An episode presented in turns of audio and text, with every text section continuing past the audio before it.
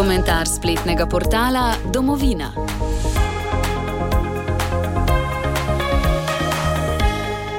Tokrat smo na portalu domovina.je izbrali pogled duhovnika dr. Gabriela Kavčiča z naslovom Nič več žurk in pijank v križovniški cerkvi, razen če bo župan Jankovič spet dosegal drugače. Ministrstvo za kulturo je pred tremi tedni v novič ugodilo denacionalizacijskemu zahtevku za vrnitev križovniške cerkve njenemu dejanskemu lastniku. Odločitev še ni pravnomočna, ljubljanski župan je že napovedal pritožbo, gre pa za že četrto podobno odločitev ministrstva in sicer leta 1996, 2007 in 2017. Vedno znova je namreč upravno sodišče zadevo vrnilo v odločanje ministrstvu. Po trenutni ureditvi sta sicer mestna občina Ljubljana in festival Ljubljana upravljavca kompleksa Križank, lastnik cerkve pa je od leta 2019 križevniški red, nekdani lastnik celotnega kompleksa oziroma samostana, kar pa mu je bilo oduzeto skozi nacionalizacijo v prejšnjem režimu. Prejšnji teden sta se mestna občina Ljubljana in festival Ljubljana nemudoma odzvala na odločitev sodišča in sicer se bo ta dolgoletna saga zavlekla z dodatno tožbo proti vrnitvi cerkve. Trenutni upravljavci namreč trdijo, da so tudi strokovnimi ekspertizami podkrepili, da bo vrnitev cerkve v naravi bistveno okrnila prostorsko kompleksnost križank in onemogočila izvedbo festivalske dejavnosti. Ob tem so prepričani, da cerkev zdaj uporabljajo primerno, namreč za njen primarni namen kot prizorišče za izvajanje kulturnih prireditev. Ob tem pa načrtujejo, da bo upravno sodišče odpravilo zmotno in škodljivo odločbo Ministrstva za kulturo. Prior križnikov Janko Štampar nad novim zapletom ni presenečen. Opozarja pa, da gre pri vsem skupaj zgolj za pohlep po denarju, v nasprotju z izjavo mestne občine Ljubljana in festivala Ljubljana, pa tudi pravi, da se crkva zdaj uporablja in prodaja tudi za dejavnosti, ki niso primerne in niso skladne z namembnostjo crkve. In s tem imamo tri točke, o katerih bi bilo treba bolje razmisliti, ko gre za vračanje cerkve in, če smo natančni, celotnega kompleksa križank. Medijska mašinerija, ki o tem postopku poroča tako, da se sproža ideološki boj tam, kjer bi moralo pravo že zdavnaj odigrati svojo neutralno vlogo. Nerazumevanje svetosti prostora ter nepravičnost denacionalizacijskega postopka in to v Sloveniji, v kateri imajo nekateri polna usta pravne države in podobnega. Mainstream mediji so imeli tokrat nekoliko težjo nalogo poročanja.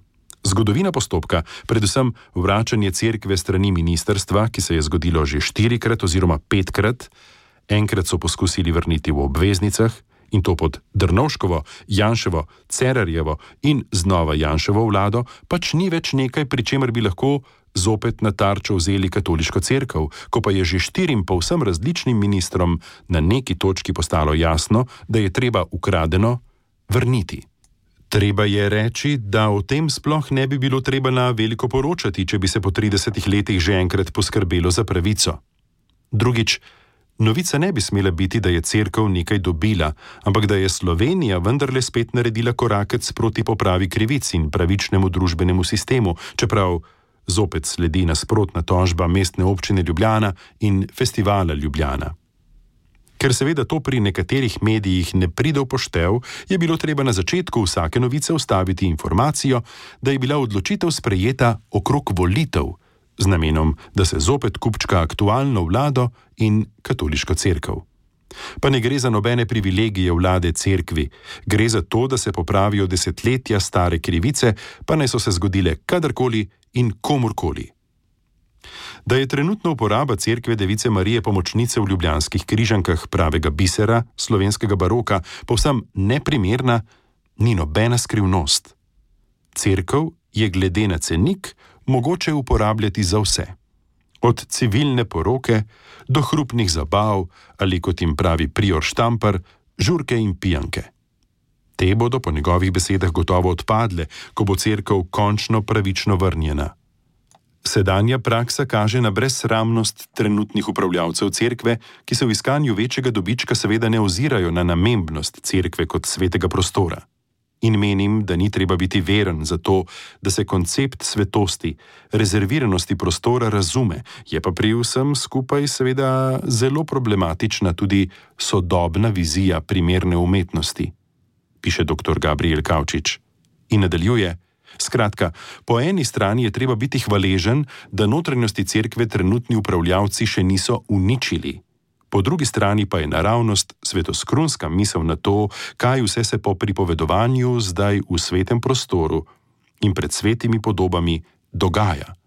No, ali pa komu prav to predstavlja poseben užitek, kar je še bolj zaskrbljujoča misel. Da je z vsem tem dogajanjem okrog križank nekaj hudo narobe, seveda ni treba posebej poudarjati. Osnove pa še vedno niso jasne. To, kar je bilo pod totalitarnim jugoslovanskim režimom ukradeno, v tem primeru leta 1949, bi se moralo že zdavnaj vrniti. Tako ali tako je križniški red, sicer proti očkodnini, ostal brez nekdanjega samostana, tako da se zdaj bitka bije samo še okrog cerkve. Ob tem se na ključnemu opazovalcu postavlja tudi vprašanje, kako je v naši državi možno, da je trenutno križniški red že lastnik cerkve, pa je ne more upravljati. Brez nadaljnega je jasno, da se tu nadaljuje kraja, začeta pred 75 leti, oziroma če si sposodim primerjavo Martina Nahtigala na isto temo izpred nekaj let, je to tako, kot če bi nekdo ukradel kolo in bi ga policisti dobili. Hkrati pa bi ga opravičili vračila kolesa, ker ga tat nujno potrebuje za vožnjo na delo. Po štirih letih bi bilo treba dodati samo to, da bi zdaj policija lastniku kolesa izdala še potrdilo, da je kolo res njegovo, ker je tudi crkva trenutno že v lasti križevniškega reda. Tat pa bi se z njim vseeno legalno odpeljal in se bo očitno še nekaj časa vozil. Tako je na portalu domovina.je zapisal duhovnik dr. Gabriel Kavčič. Njegov komentar sem prebral Jure Sešek. Komentar spletnega portala Domovina.